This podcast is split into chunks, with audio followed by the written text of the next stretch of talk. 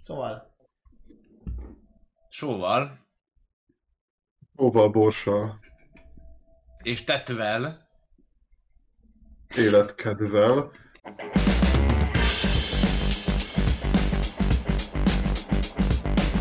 Na azért. elment előtt mi? Nem, mit vagyok? Ja, jó. Szóval, uh, Még. újra itt a podcast, még mindig itt van Alex, Ahoy! Bence, Hello. Fanni, Sziasztok!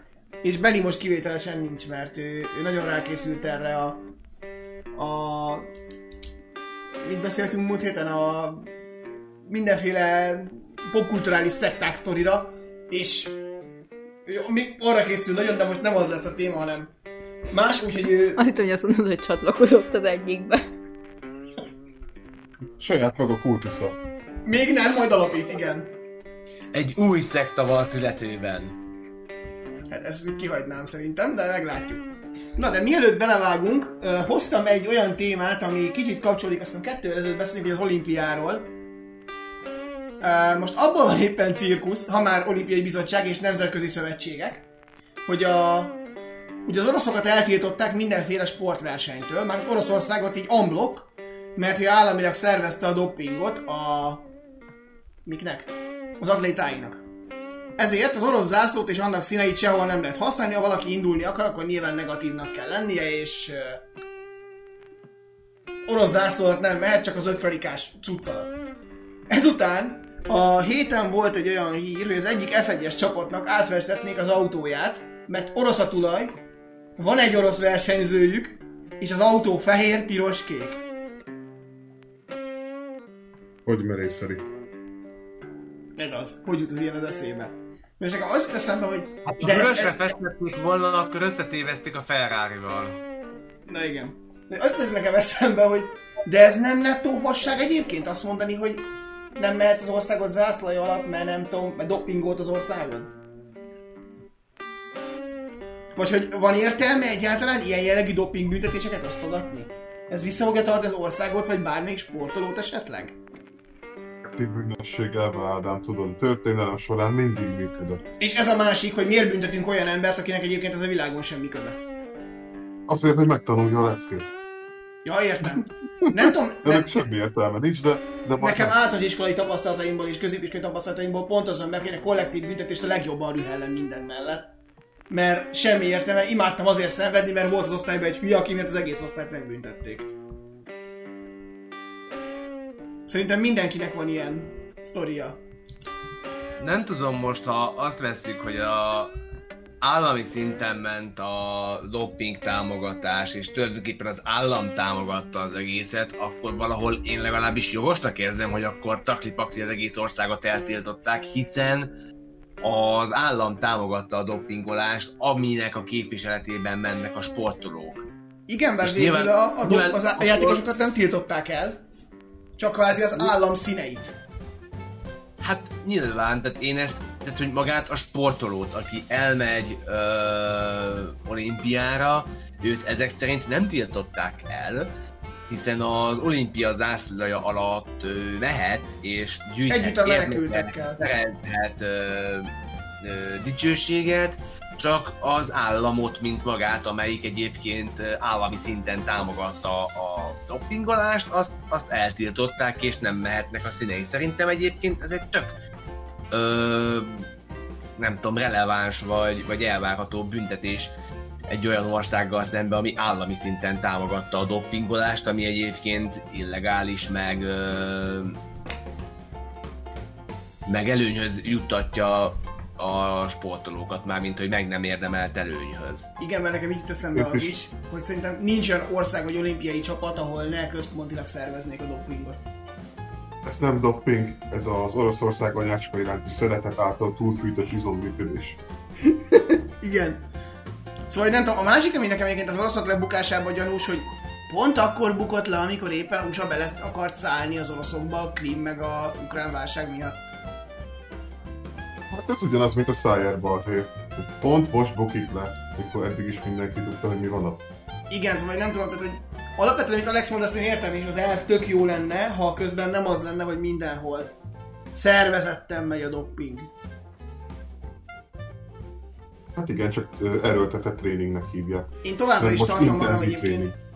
Igen. Én továbbra is tartom magam egyébként ahhoz, hogy be kéne vezetnünk a olimpián is a gyógyszercégek versenyét. Kit helyez a legjobb dopingszert? Kinek a dopingszerével nyertek a legtöbb aranyat?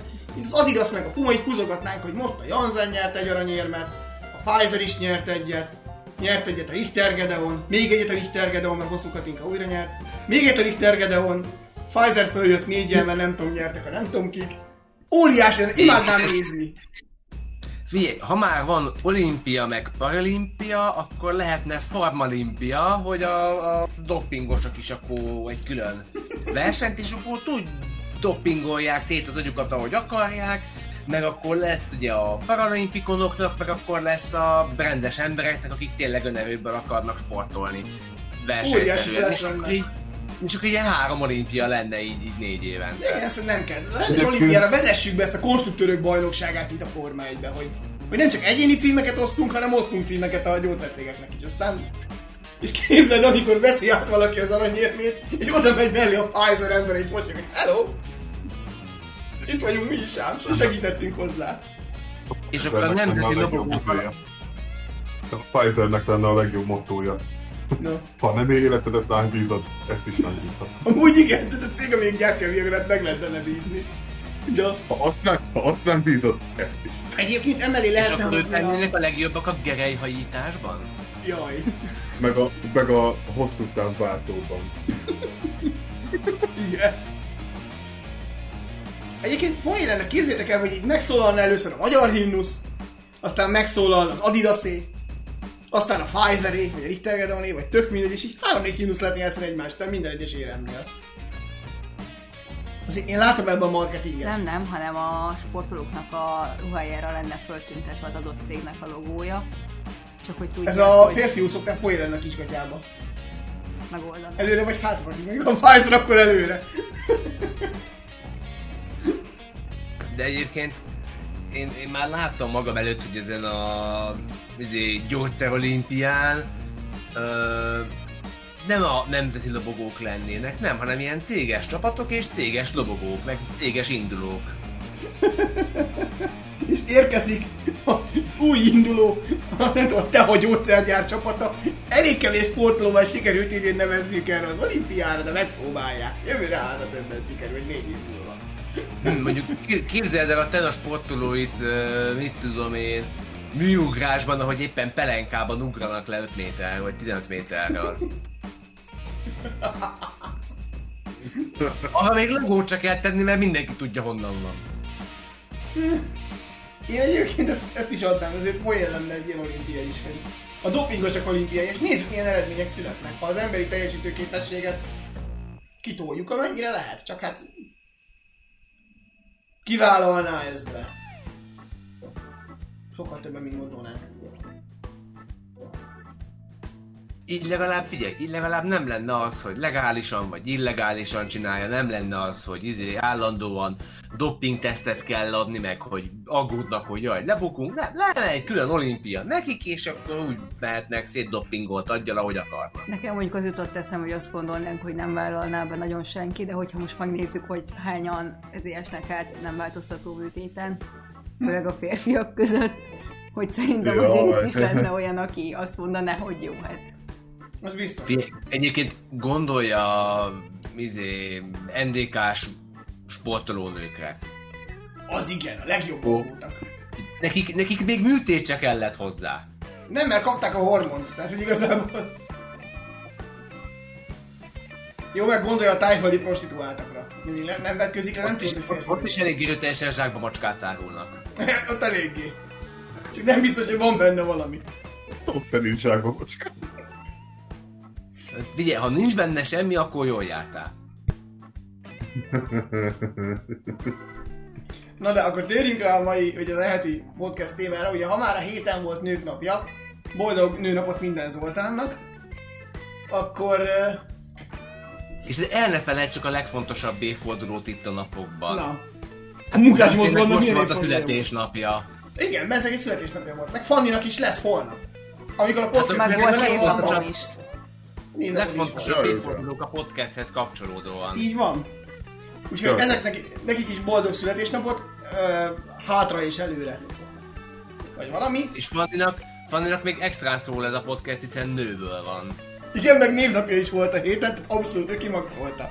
Alex, hogy mered, hogy mered őt beskatujázni? Azon van minden. Majd azt ő eldönti, jó? Jó, Fanni, csak- minek érzed magad? Csekkold a privilégiumait. Ez még nem eldöntött kérdés. Alex, próbálj meg kevésbé fehér lenni. Ha már ez aktualitások is érnek. Szóval hogy a, a... Akkor úgy tűnik, mintha nőből lenne. Jó. Vagy legalábbis még nem mondtam meg, hogy hivatalosan hogyan kell szólítani. Á, Sihör vagy hihim vagy... Igen. Milyen? D-Dale? Vagy hogy van most, ugye? Na jó, szóval, hogy térjük rá a rendes témára, a nők a történelemben. Igen. Uh, és ha bár nincs itt Benni, azért idézzük meg a szellemét, és induljunk el a kájhától, vagy a tűztől.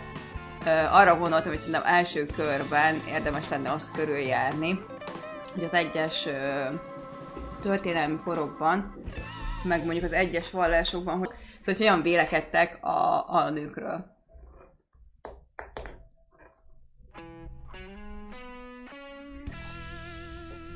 Igazából nem muszáj kronoli- kronológikusan menni, hanem kinek mi jut eszébe. Hát ha az őskortól indulunk, ahol a termékeny anya volt a, a világ mindenségnek a leghatalmasabb szimbóluma, aztán elmegyünk a középkorig, ahol a nőnek kussa neve és írja, hogy otthon nem verik agyon. Úgy jut eszembe, hogy az őrkor egy tök egalitárius társadalom. De ilyen szempontból szerintem még az ókor sem ö, vészes annyira. A spártai nők Okokat. jogait igazából majd valamikor a szüfrözsetek érik el. Igen. Ja, hogy igen, tényleg. Mert hogy például azért Spártában egy nő simán örökölhetett. Jó, nem azt mondom, hogy olyan jogokkal bírtak teljesen, mint a férfiak, de hogy mondjuk azért ez nem volt annyira szokványos. De ahhoz képest, hogy aztán tényleg mi lesz a, a joguk, akár az ókor más társadalmaiban, akár aztán a középkorban, ahhoz képest, hogy a spártai nők szerintem az abszolút példakép. Ilyen szempontból Igen. egyébként a 300 című film nem rossz. Ebből a pici, picike szempontból. A Jó, nem túl sok szempontból jó az a film. Igen, tehát ez, ezért érdekes egyébként, hogy a nők jogai egy, ahol úgy kvázi csorbultak, hogy megyünk előre az időbe. Van egy negatív pont, ahonnan viszont elindul fölfele, és nyilván Hát igen, csak nagyon sokára indul el szerintem. mi az a pont egyébként, ahol, de hogy az őskorban nyilván, ugye, amit most Bence is mondott, hogy megvan ez a nagyon kiemelt társadalmi szerep. Meg egyébként az egy- az egy egalitárius társadalom azért. Már nem tudtak más csinálni végül is a mamútra vadászva a barlangból, és aztán azért az ókorban már csökkennek a jogaik, meg a letelepedett városállamokban, mert azokról azért vajni keveset tudunk szerintem, hogy a letelepedett város Urukban meg a többiben mi volt a, a joguk. De aztán azért Ö, Egyébként a, a várjál, az afrikai társadalmakban azért nem mindegy, hogy melyikről beszélünk, mert Etió, Etiópiában például ők voltak a hatalom birtokosai, meg Ez Gánában. egyébként igaz. De ugye ott is, ezekben a társadalmakban is, ahogy a középkor felé haladunk, folyamatosan fogy a nők joga. Mi a Igen. mélypont? Mondjuk az európai Mondjuk azt, társadalmak. mondjuk azt, azt itt a keresztény világban látjuk, hogy fogynak a nők jogai. Kínában nem tudjuk, hogy ott sose volt, vagy ott is tapasztalható ilyen visszaesés. Kínában szerintem a amerikai- visszaesést a izé hozza majd el. Vicces módon, amerikai amikor... indián kultúrában se látjuk, hogy milyen volt a nők helyzete. Az egy jó A kérdés. kínairól, a kínairól tudok egy nagyon picit mesélni, meg így a dél-kelet-ázsiairól. Ott a, a nőknek inkább a háttérhatalma volt nagyon-nagyon jelentős, mert például Kínában az udvari intrikákban nagyon vastagon benne vannak.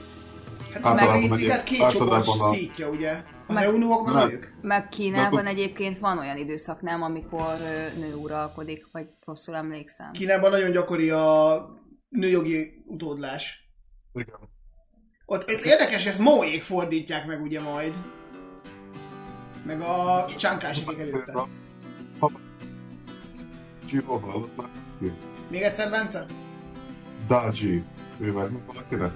Azt kérdezted, hogy a kínai nők és a, az uralkodók viszonya. Daji azt nem a Ming dinasztia, nem a Shang dinasztia idején élt, a Shang dinasztia végén. És mondjuk úgy, hogy nagyon elborult nőszemély volt. olyan befolyása volt a császárra meg az udvarra, hogy nem volt olyan, amit nem ért el, vagy ne kapott volna meg. És egy nagyon beteg lelkű asszonyról beszélünk egyébként. Vannak róla olyan rémtörténetek, hogy például egyszer látott egy parasztot mezitláb átkelni egy befagyott tavon vagy folyón, elfogadta és levágatta a lábfejét, hogy tanulmányozza, hogy hogy bírták a hideget. Ó,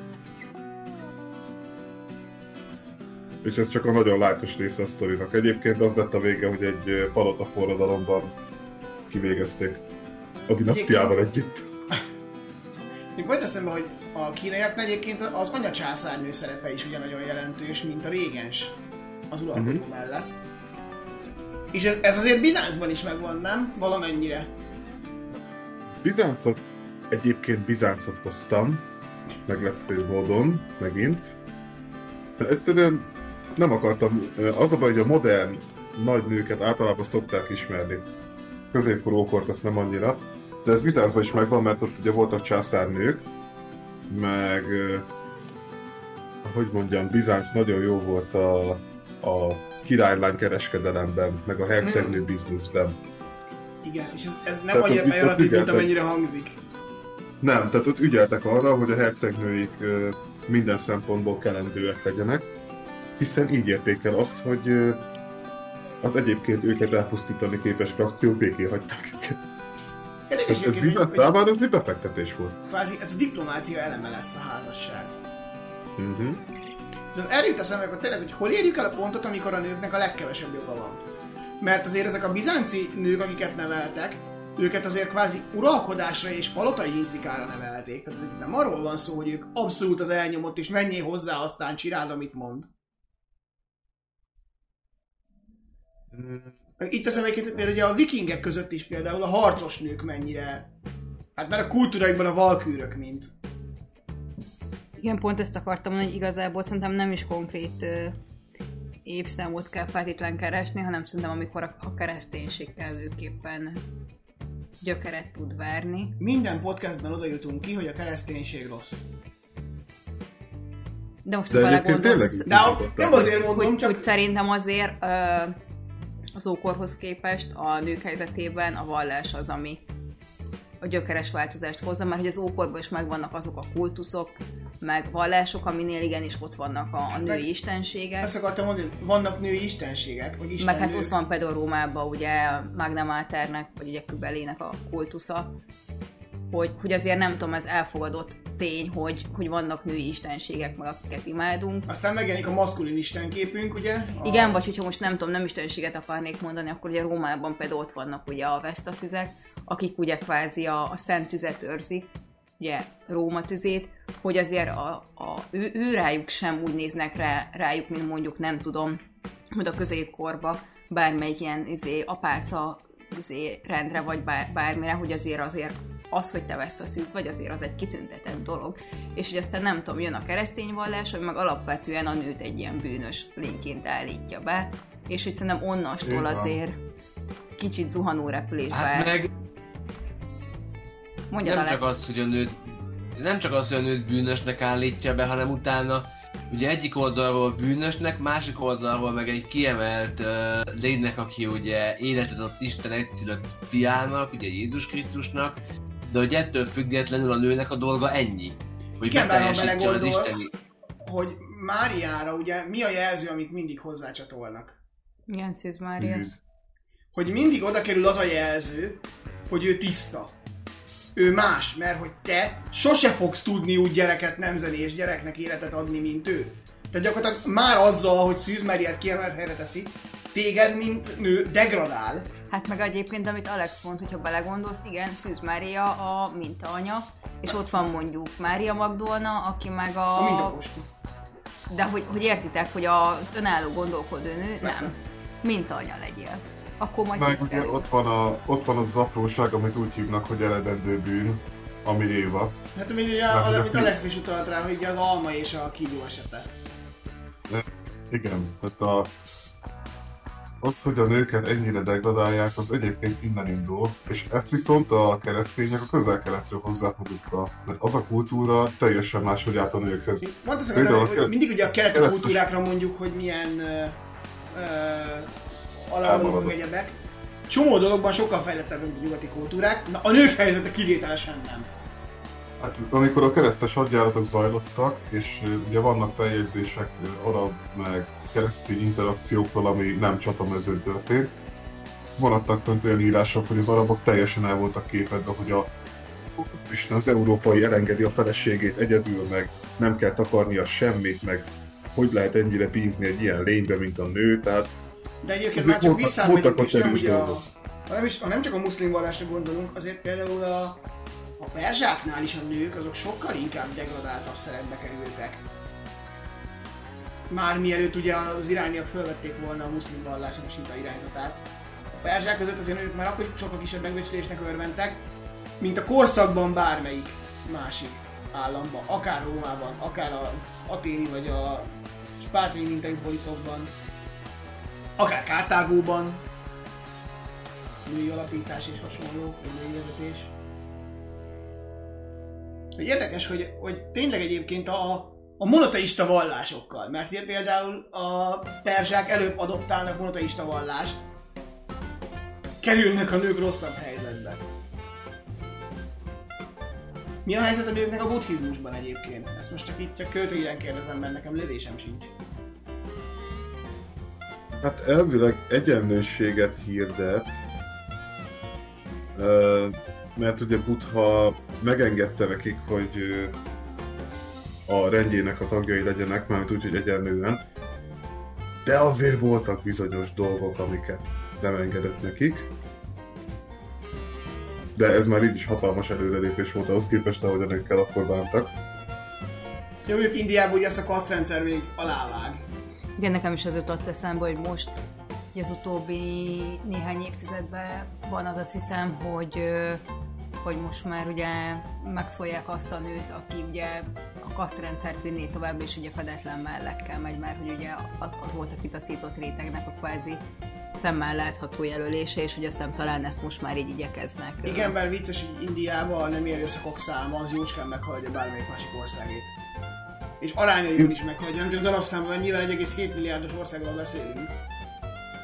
Egyébként annak több oka van a, a, az általuk képít, ugye hivatalosan már is kaszrendszer, Gyakorlatilag meg ugye működik. van. Indiában az a legnagyobb probléma, hogy ott nincsen ö, semmiféle szexuális felvilágosítás. Tehát ott ugye a, az önkielégítés az, az törvényerővel büntetik. Még csak nem is az, mint az egyházban, hogy a Biblia szerint rossz dolog, ott tényleg megbüntetnek érte. A Honnan tudják? Mert följelenthetnek érte azért. Mi az, hogy meg rád is, csak- rád is kell. De meg is vádolhatnak. Ez tök mindegy. Bizonyíts be, hogy nem. Igen.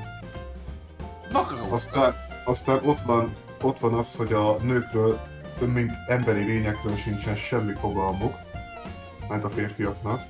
És ezért van az például, hogy mindannyian láttatok már, ti is, meg hallgatók is ilyen Boben Vagana indiai csábó üzeneteket, meg OK, rape you next week. Ezek azért vannak, mert nem tudják fölfogni, hogy a nőknek miket, mik a, a bá, bármilyei. Tehát az araboknál a nőknek legalább, vagy a férfiaknak megtanítják, hogy a nőnek az a dolga, ami. Most ebben nem menjünk bele, mert ez is nagyon nőgyűlölő, amit ők művelnek.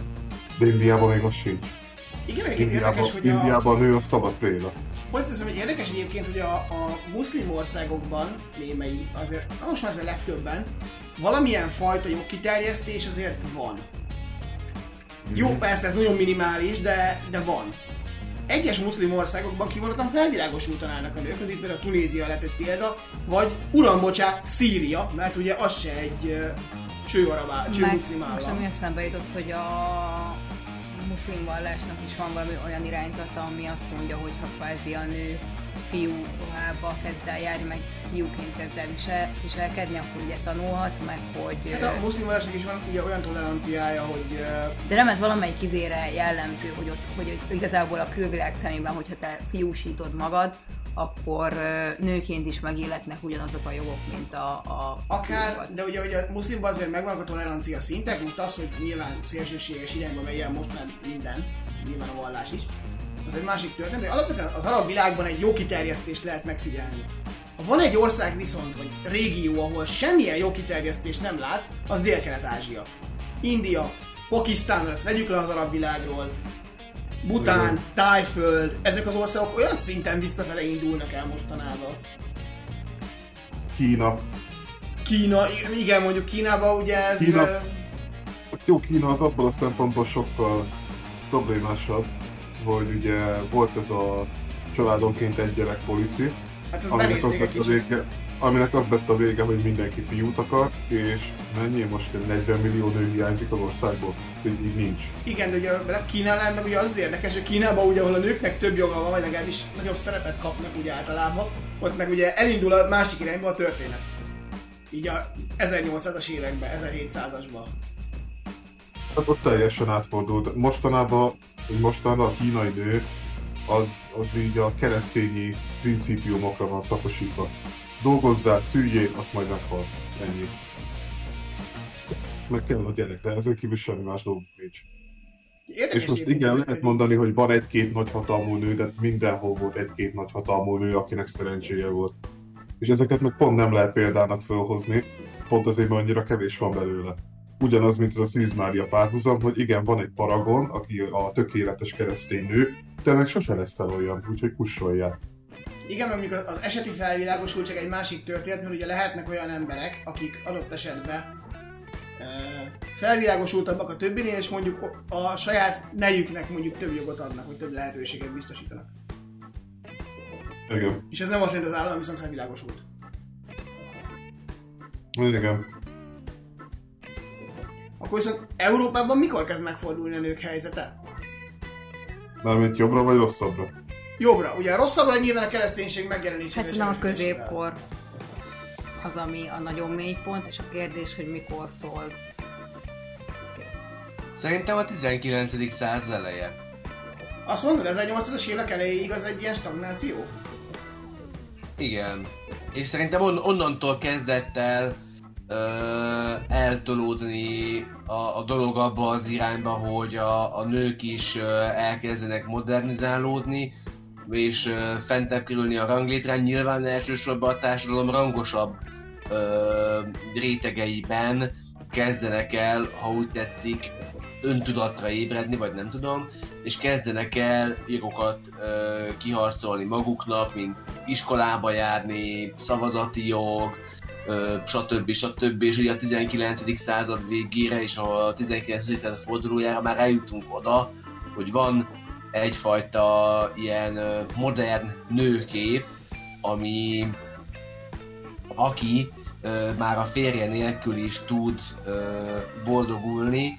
Ö, például volt egy ö, Mocsári Béláné Fáj Mária hiszem Fáj Mária nevezetű hölgyemény, aki ö, a férje halála után is folytatta az utazásokat, ugye vagyonos ö, családból származott ő is, meg a férje is vagyonos, tehát ilyen ö, majdnem, hogy arisztokrácia, de hogy ilyen erőteljes ö, nemesi vonal, és a férje ö, nélkül is folytatta az utazásait, ö, úti könyveket jelentetett, meg például a Mexikóról is, és ö, fölvették a Magyar Földrajzi Társulatba is, vagy legalábbis tanácsadóként ott, ott is szerepet töltött már be, mint olyan nő, aki ugye járt Mexikóban, és onnan hozott fényképeket, meg leírásokat.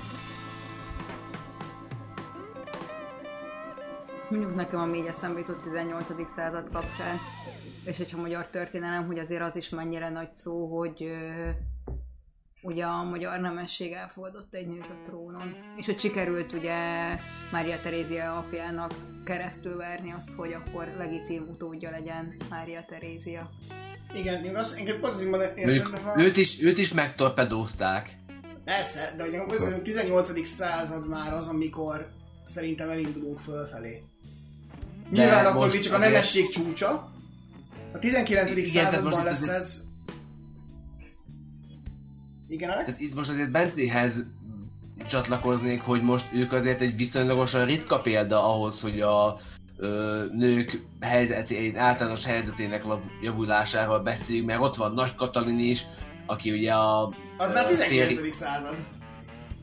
orosz cárnő, igen, nem, 18. századnak 18. Katalin, mert 18, 18, és ő is ugye a... Szép. 1762-ben hal meg. Igen, hogy ő is ugye a férje jogán lett ö, cárné, de aztán meg minden oroszok cárnője lett, mert kiharcolta magának a, a ö, helyet, meg eltette egyes leikák szerint ugye a férjét lábalól, meg gyakorlatilag aki ellen, meg másokat is, meg nyilván aki, aki, aki meg, ö, hogy is mondjam, ilyen potenciális ellenfél, vagy, vagy nem tudom, az, azzal meg hát a női bájaival, ha nem is lábalól tette el, de ágy alá tette.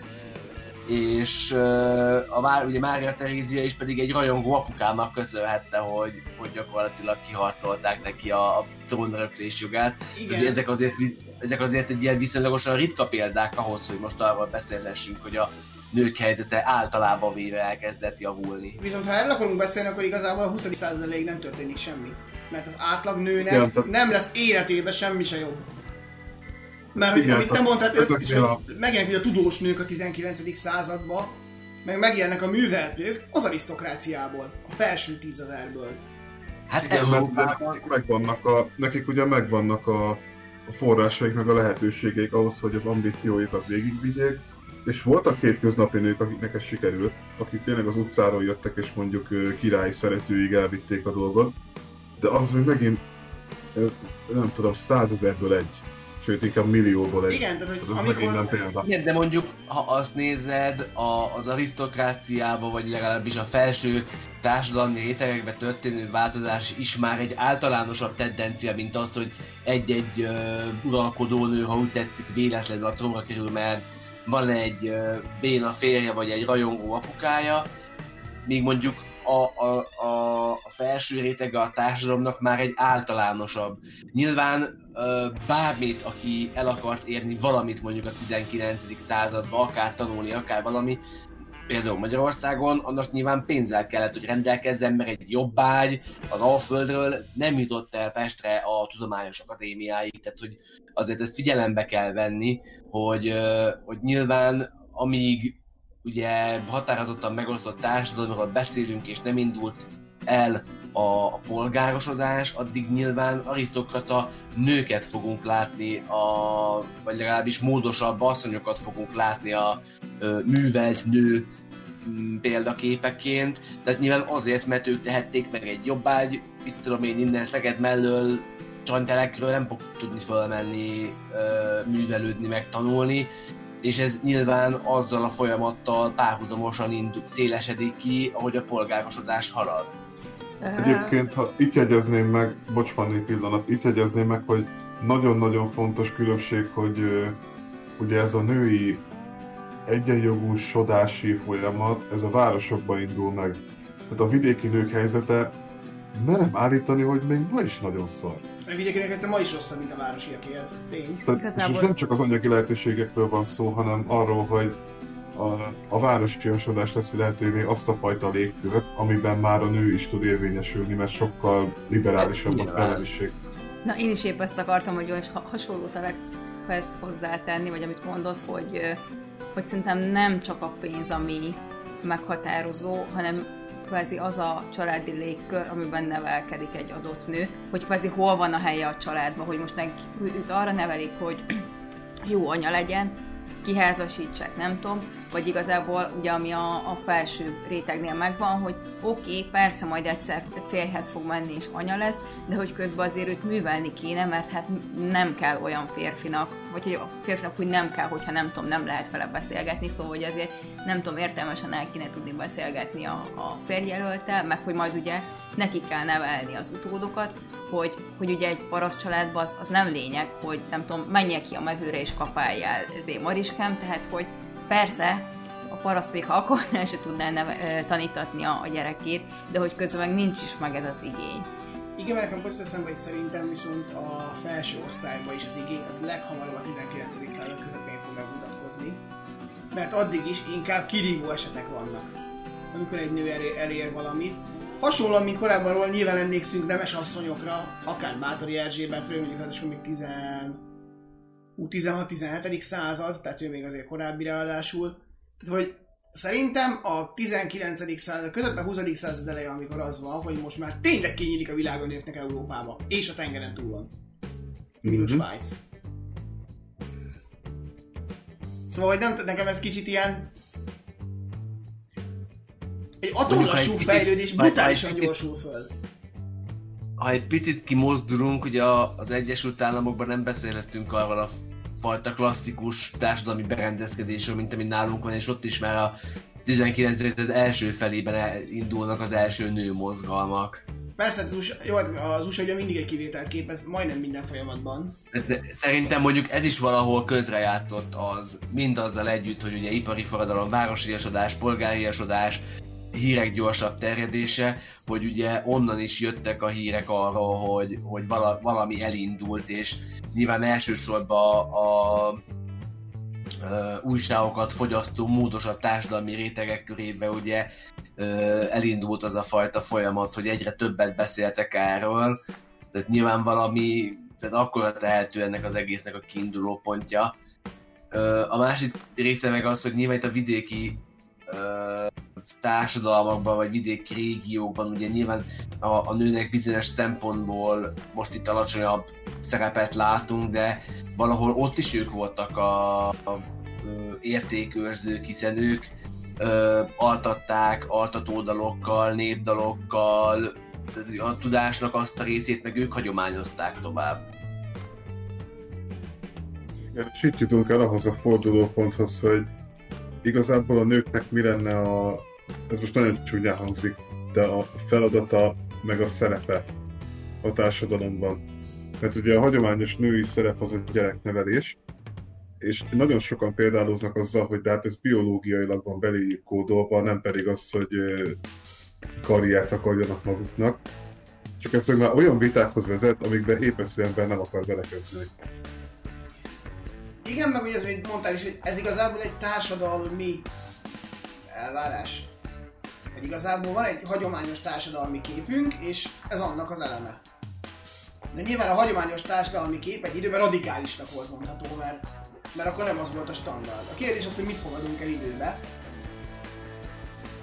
Viszont most már meg szerintem a, a, a főleg a nőmozgalmak, meg a szüfragett mozgalom, meg egyebek eredményei után megkérdőjelezni olyat, hogy eh, hogy egy nőnek mihez van joga és lehetősége, például mondjuk tanulni, munkát vállalni, akár egy céget vagy bármit vezetni, az szerintem ilyen abszolút fasság.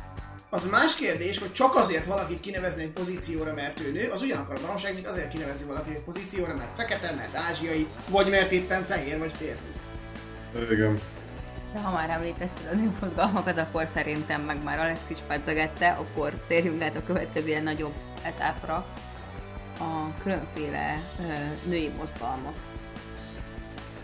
Mikor Lady Levi megdobálta a miniszterelnököt tortával. Igen. És a Ferenc Ferdinandot is tortával dobják, meg nem lett volna háború. Na haragudjál, Lady Levi igazi szufrazsett. Így van, csak már kicsit bolond a 20-as években. Hát, Aki esetleg a tortával akarták dobál, megdobálni szegény Ferdinándot, csak már romlott volt és kemény. Jó. sőt, Lady Levi az igazi ilyen egyenjogú, mert ő Irit is ugyanúgy megdobálja a pudinggal. Nem számít, hogy Nem csak a politikusokat, igen. Jó, Lady Lavender. Igen. Ezt Szóval, a török nagykövettől kaptam, mert rossz kislány voltam. igen. Szóval egyébként az első ilyen, érdekes a szüfrezett mozgalom igazából pont abból bontakozik ki, hogy eh, a 19. század végére már, már tömegessé válik a nőknek a oktatottsága, iskoláz, iskolázottsága, ez az szép szó. Iskolázottság. Köszönöm, igen, az iskolázottsága. Hát oktatottság egyébként van, az, amit otthon kap. Igen, ez az iskolázottság ugye válik tömegessé a nők körébe is. De kvázi Legalábbis a tehetősebb rétegek körében. Igen, nyilván mind, valamiért minden mozgalom a történelemben egészen a 20. század közepéig föntről indult. Vagy hát a felső osztályokból, vagy a polgárságból. Kivéve Bár volt- ő is egyébként nem voltak éhezési problémái. Egyébként azt tényleg annyira bírtam Marsba. Tehát amikor a legfontosabb problémája az életében, hogy ki hogy kávét kap-e, akkor én is azt írnám, hogy el vagyok nyomba. Mint az Tényleg. állat. De szóval, hogy visszatérve a nőkre, hogy Ugye ez a kvázi középosztályból indul ez a mozgalom. És érdekes viszont, hogy az első világháború előttig nem nagyon lesz siker, kvázi a Nyilván- világháború az volt. Az első világháború az egy választóvonal. Az első világháború lesz az, ahol a nők ténylegesen Dolgoznak. szerepet vállalnak a... Igen, tehát szerepet vállalnak a gazdaságban. Aztán jön a második világháború, ahol főleg Amerikában ez még inkább így van, ugye a We Can Do It mozgalom meg társai. És Amerikában egyébként az az érdekes, és most nem akarom elvenni a kenyeredet Alex, de ugye a 40-es években megindult ez a női feltörekvés, hogy mi is erősek vagyunk, mi is meg tudjuk csinálni azt, amit a férfiak. Az 50-es évekre totál visszamegyünk egy középkori szintre, hogy anyuka otthon van, mosolyog, gyereket nevel, kaját csinál, meg takarít, és, És ráadásul az a vicces, hogy ez egy ilyen mennyire idír képet festenek el. Igen. ebből. Az amerikai 50-es évek az a, az a, a nem tudom, a, a fogyasztói társadalom csúcsaként lehetne igazából apostrofálni. Igen. Igen, tehát itt van egy ilyen 10, 10 pár éves ilyen, ilyen abszolút középkor. Hát gyakorlatilag még a, a baby boom tart. Aztán a 60-as évekre egyszer csak megint megfordul ez a dolog, egy teljes 180 fokra, A Ezt most 70-es meg meg- már átzúgoló túlsó oldalára. tehát most meg már ott tartunk, ahol tartunk. Igen, ez egyébként érdekes, hogy, hogy Amerikában ez egy milyen brutális pályaívet jár be nagyon rövid idő alatt, és micsoda hullámvasúttal. Mert hogy a németeknél is rengeteget dolgoztak a nők, csak nekik volt más problémájuk, mint az emancipációért küzdeni, mondjuk így. Igen, meg egyébként, Hát ha bele, mindkét háború után. Igen. belegondoltok. Mondjad, Alex. Mondjad, Fanni. Ja, hogy annyit akartam, hogy egyébként, ha belegondoltok valahol, ez most is egy ilyen nagyon ideális, meg most nem biztos, hogy hőnállított, de talán hő- hőnállított családmodell is, amikor igazából anyukának nem kell dolgozni, és apuka el tudja tartani a családot. Én ez, ez inkább annyit tennék hozzá, és most itt majd kapom a savazást, hogy valamilyen szinten a férfiakkal szemben a mai napig elvárás. Hogy tartsa el a családját az ő fizetéséből. Miközben Valahol- ugye... Alex? Ez valahol igaz, valahol pedig szerintem ezt, ezt mi férfiak gondoljuk így, hogy a mi feladatunk a család Nem, fenntartása. én is ismerek olyan családot, ahol a nő Azt úgy akartam kezeli, hogy a férj pénze az a család pénze, amit ő keres, az meg az övé.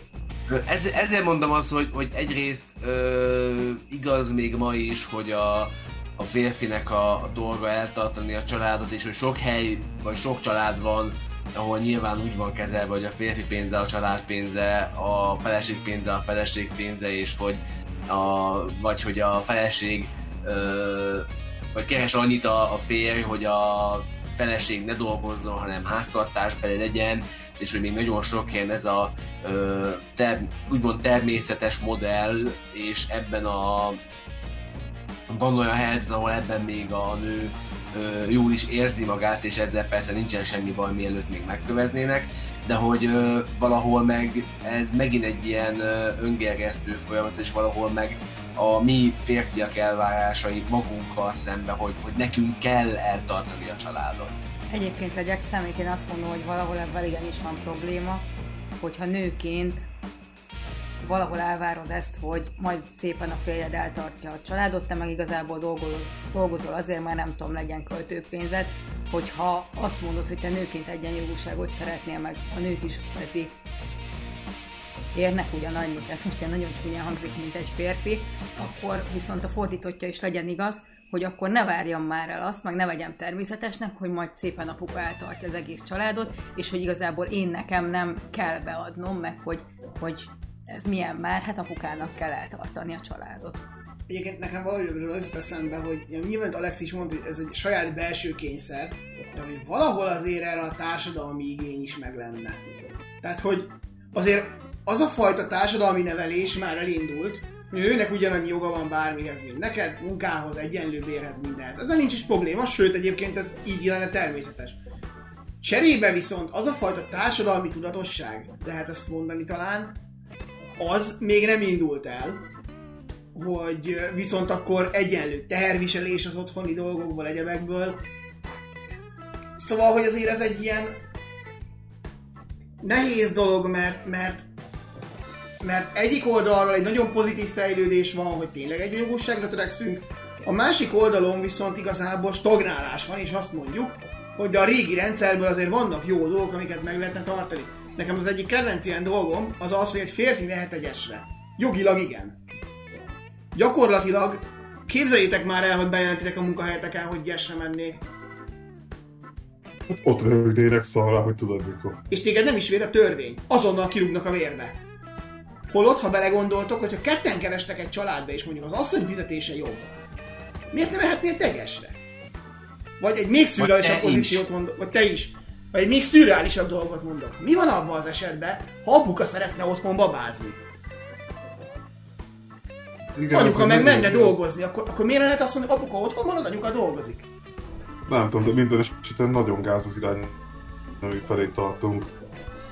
Egyébként nekem az egyik ilyen furcsa dolog, ugye, amit lett belőle videó meg egyebek is, YouTube, link, leírás.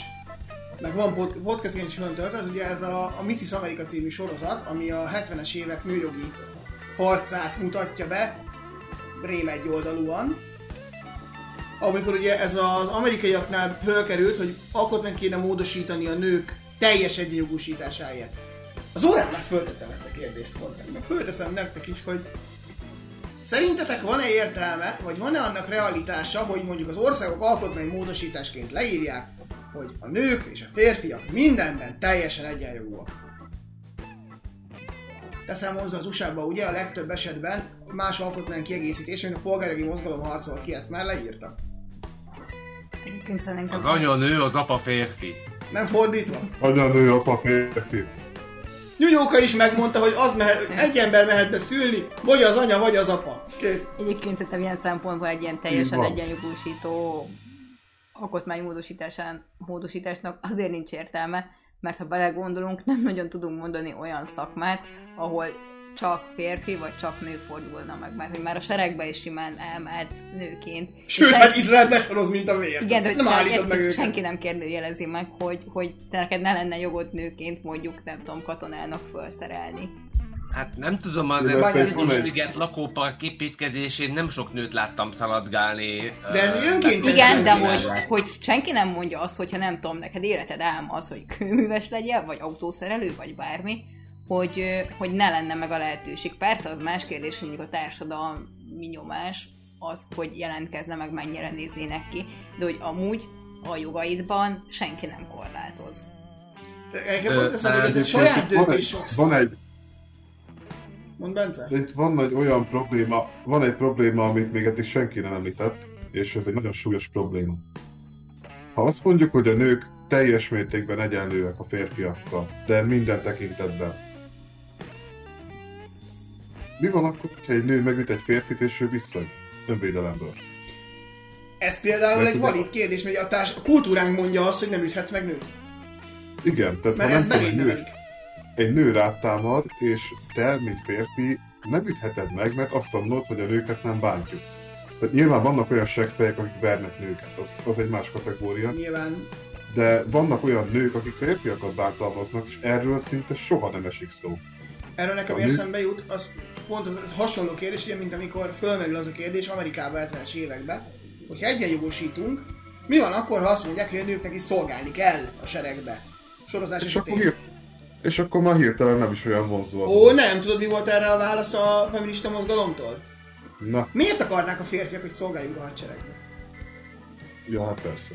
Szokásos. Szóval, hogy nekem egy, az a, ez az a problémám, hogy az egyenjogok mellé viszont egyenlő kötelességeknek is valahol társulniuk kell.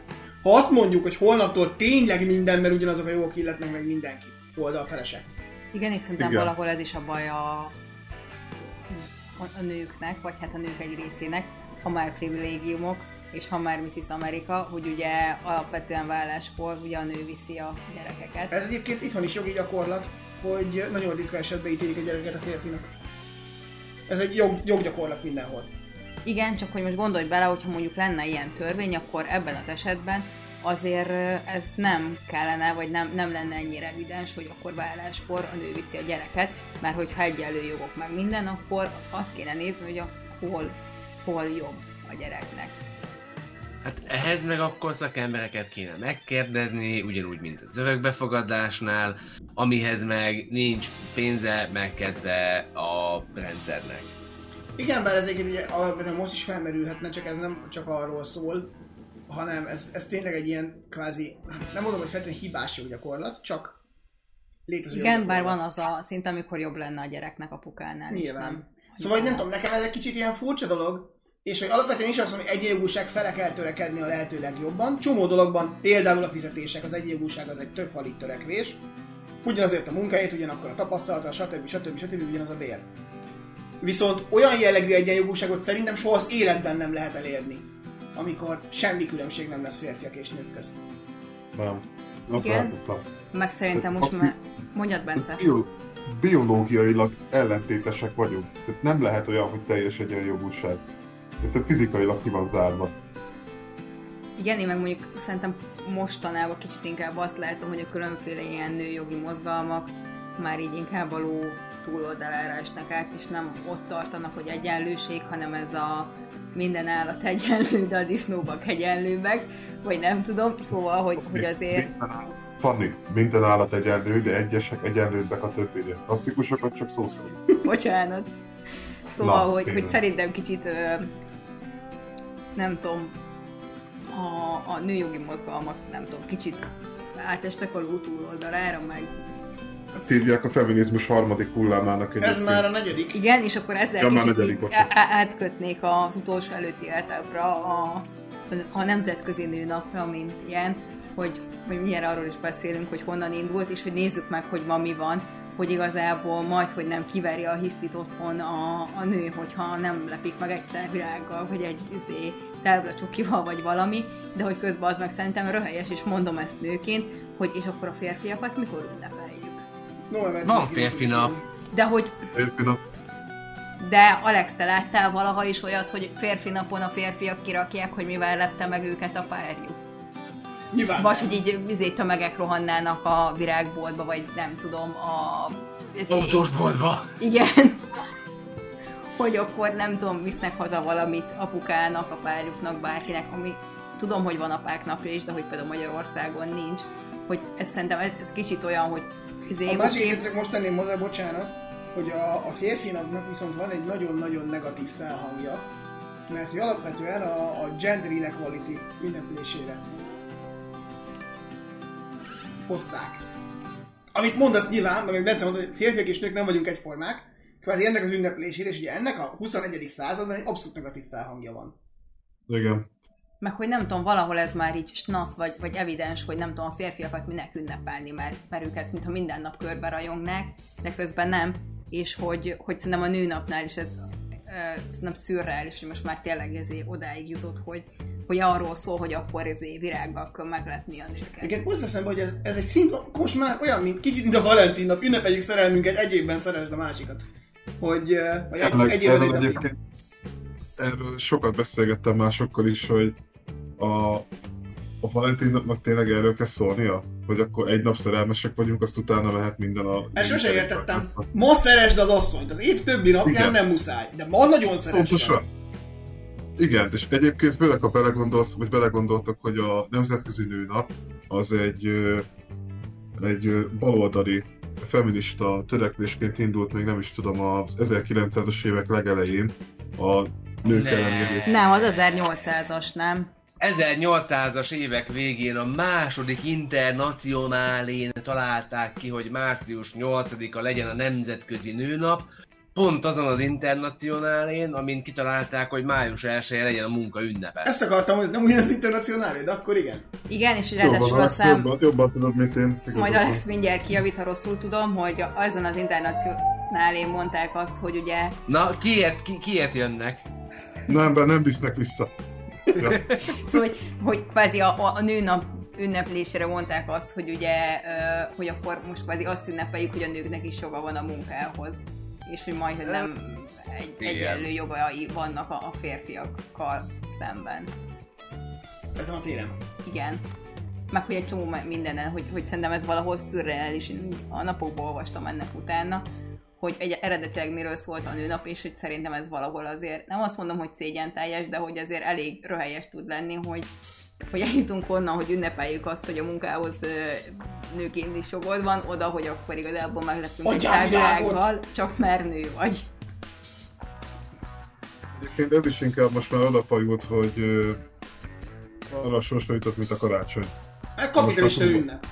Igen, tehát túl van reklámozva, és már csak azért tartjuk, mert olyankor vesznek az emberi dolgokat. Gondoljatok bele, hogy ugye bevezették a nagy koronavírus korlátozásokat, amire azt mondták, hogy de, de, de, de, de, nőnapon még nyitva lehetnek a virágüzletek. Miért? Mert ez egyik legnagyobb forgalmat generáló nap.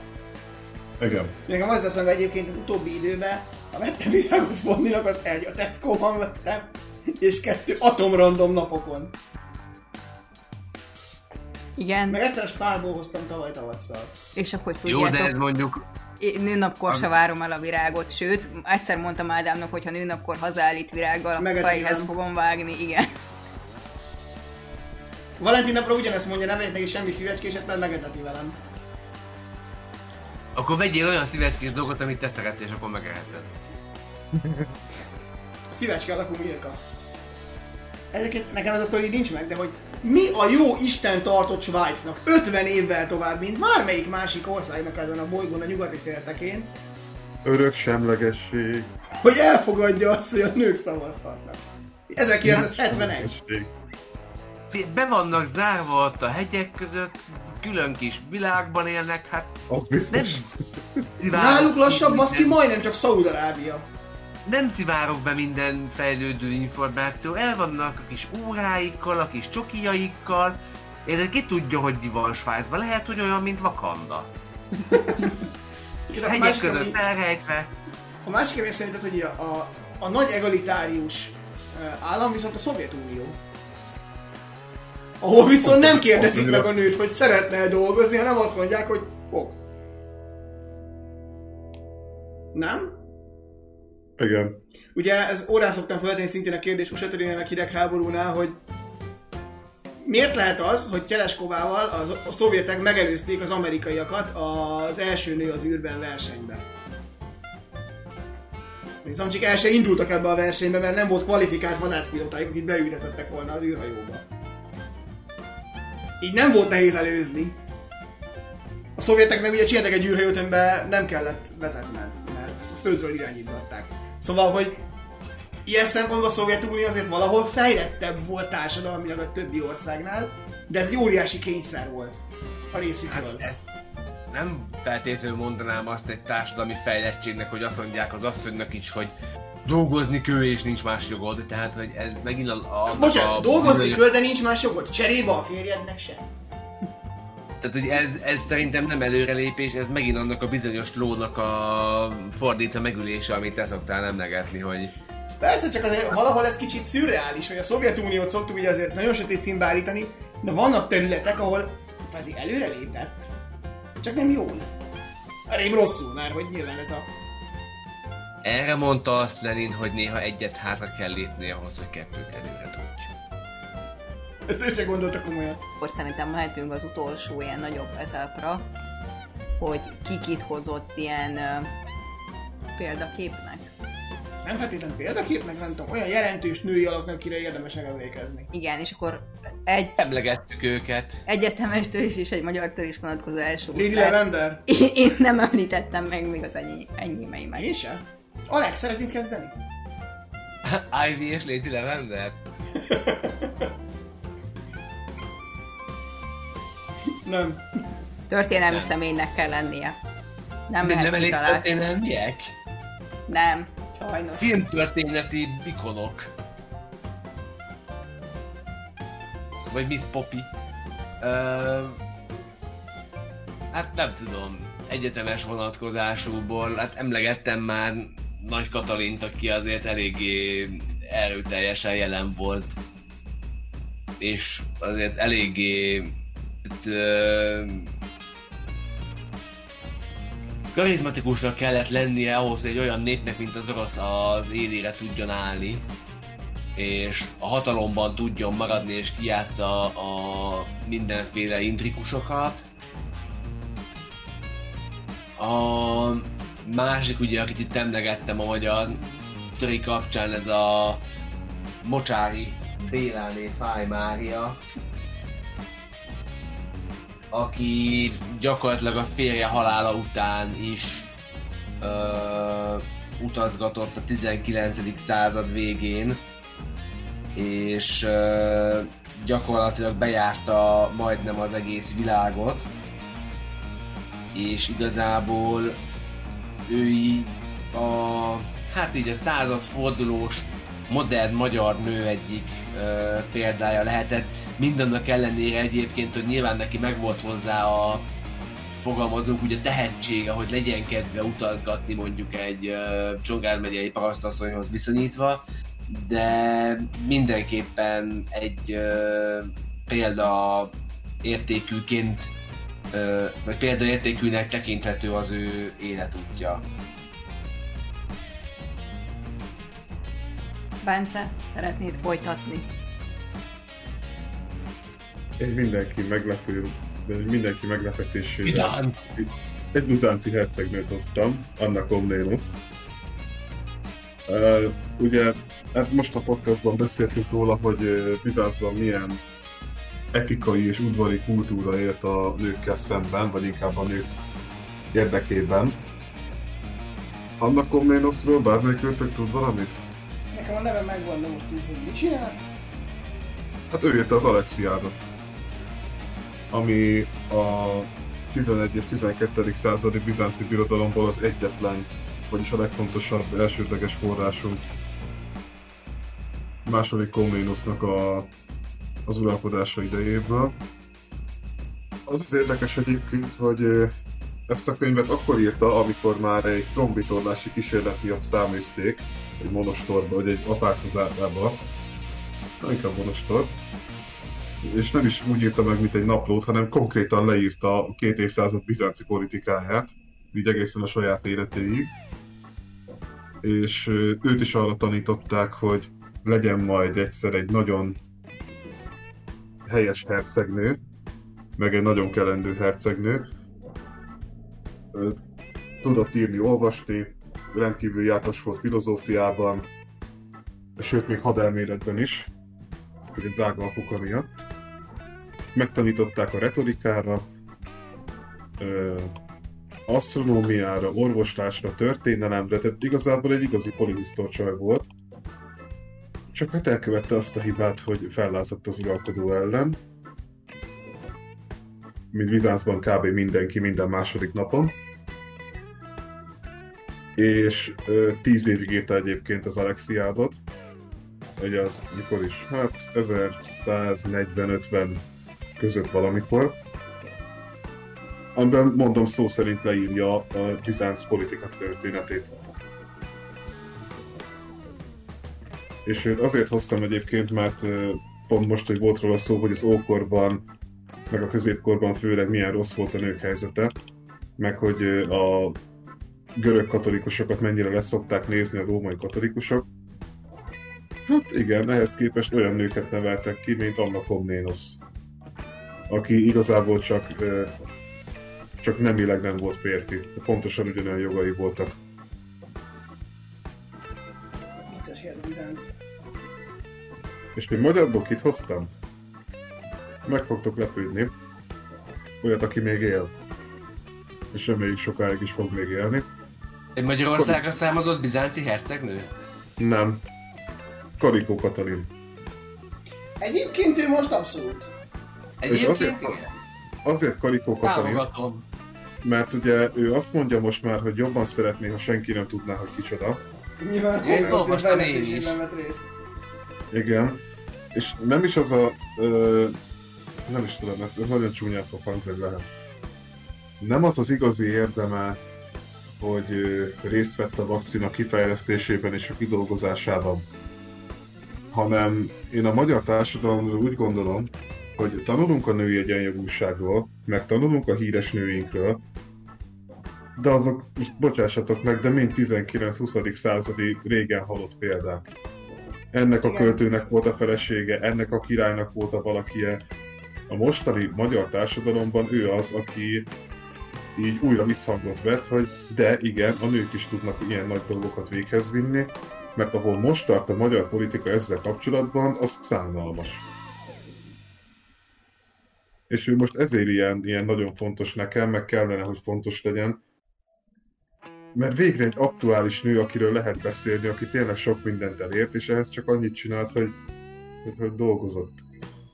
Meg hogy Tehát saját, nem, nem azt, hogy saját jogán lett ö, ismert, mert Ádámmal szoktuk ezt beszélni, hogy ugye a First Lady-t azt, azt miért kéne azért nem tudom tisztelni, hogy miért kéne rá azért fölnézni, mert ő a First Lady. Én ettől ki vagyok, amit Michelle Obamával csinálnak, az szerintem egy vicc. Annyit tud, hogy hozzáment Barack Obamához.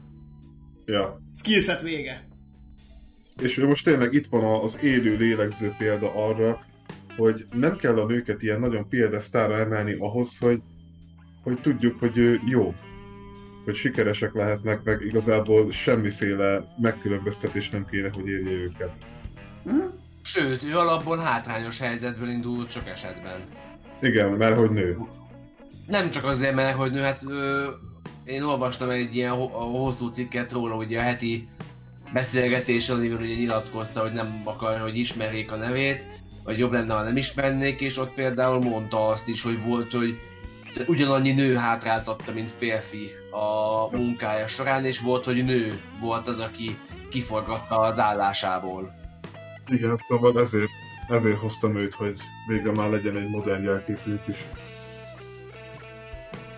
Hát nekem a, a külföldi, az nem tudom kinek van meg, Florence Nightingale-nek a neve, aki kvázi a modern ápolónői hivatásnak a megteremtője. És szemmelveszes hasonlóan mondta, az ápolónő vegyenek kedvesek gyakran kezed mosni. És hogy igazából ő írt az első olyan kézikönyvet, ami, ami az ápolónőknek szólt, illetve ő teremtette meg azt, hogy az ápolónők modern működése kvázi, hogy nézzen ki, és hogy ne a prostituáltak a nemlegességet egy napon, ami az 1800-as évek elejé közepi Angliában valamiért egy ilyen egyben mosott dolog volt. Ez nekem például nagyon fura. Mert én ezt így, így nem... Sosem jutott ez így eszembe. A másik, az... Nagyon kreatív leszek, Mária Terézia. Aki tényleg, mint első nő, azért el tudta azt érni, hogy egy országot, vagy Magyarországot is, meg nyilván a, a, mi ez, német-római császárságot vezette. Igen, bár hivatalosan a német-római császár az a férje volt. De hogy kvázi végig csak ő volt. Úgyhogy azért ez meg inkább a teljesítmény miatt.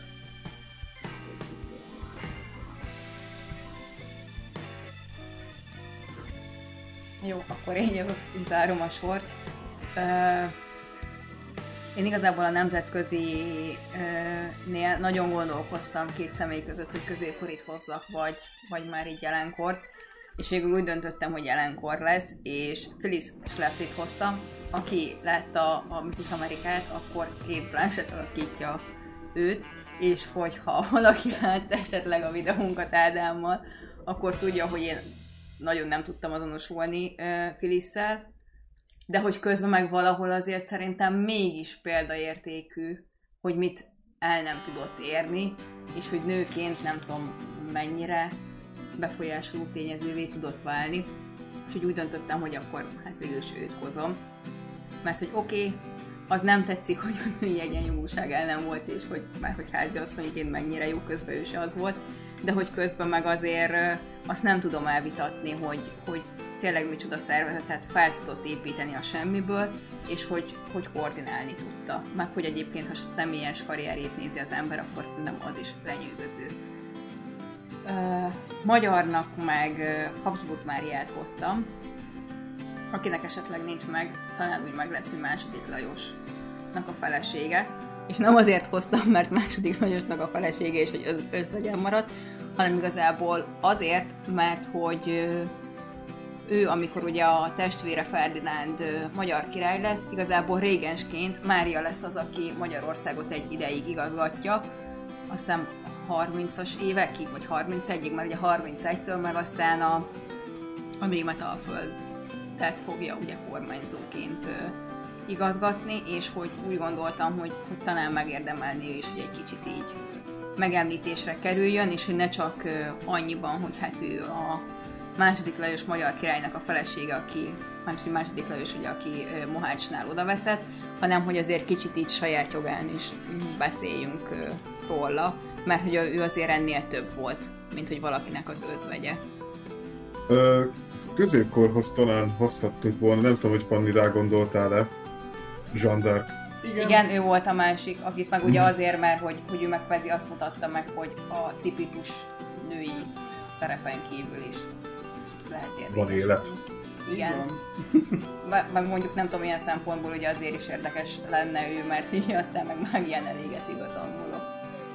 Egyébként, bocsánat, nem figyeltem egy picit, Bözsét emlegettük? Melyiket? A másodikat, Nem. mint korunk egyik meghatározó nője. Jó, de ő az első három kornak is a meghatározó nője volt. Halhatatlan. Megmondtam, vannak szit mágiákkal tartja magát életben, mint Palpatine. Azt életben nem fog elhalálozni. Igen, meg szerintem azért azt senki Tudjuk, amilyen hülyék az utódai, és akarni. hogy szerintem őt, őt, őt senki nem kérdőjelezi meg, vagy hogy értitek, hogy mit akarok mondani, hogy ő azért elég ismert személyiség ahhoz, hogy, Próbálunk edukálni, hogy és is, olyan is, embereket ismert, hozni, és, elis, és, és elismert szerintem már, hogy azért őt elég sokszor szokták, és sok, sok minden tekintetben emlegetni. Így egyébként Zókab is osztok majd időt. Szóval valaki elvállalja Benny szerepét? Annyi van meg, hogy szívecskézzétek, vagy nem tudom milyen felületeken, mint mik vannak, ami Szíveskézzétek, hogy lákoljátok a posztokat. Igen, azért, hogy Bence örüljön. Azt nem szoktam mondani, de igen. De azt mindig Akkor hozzá gondolja.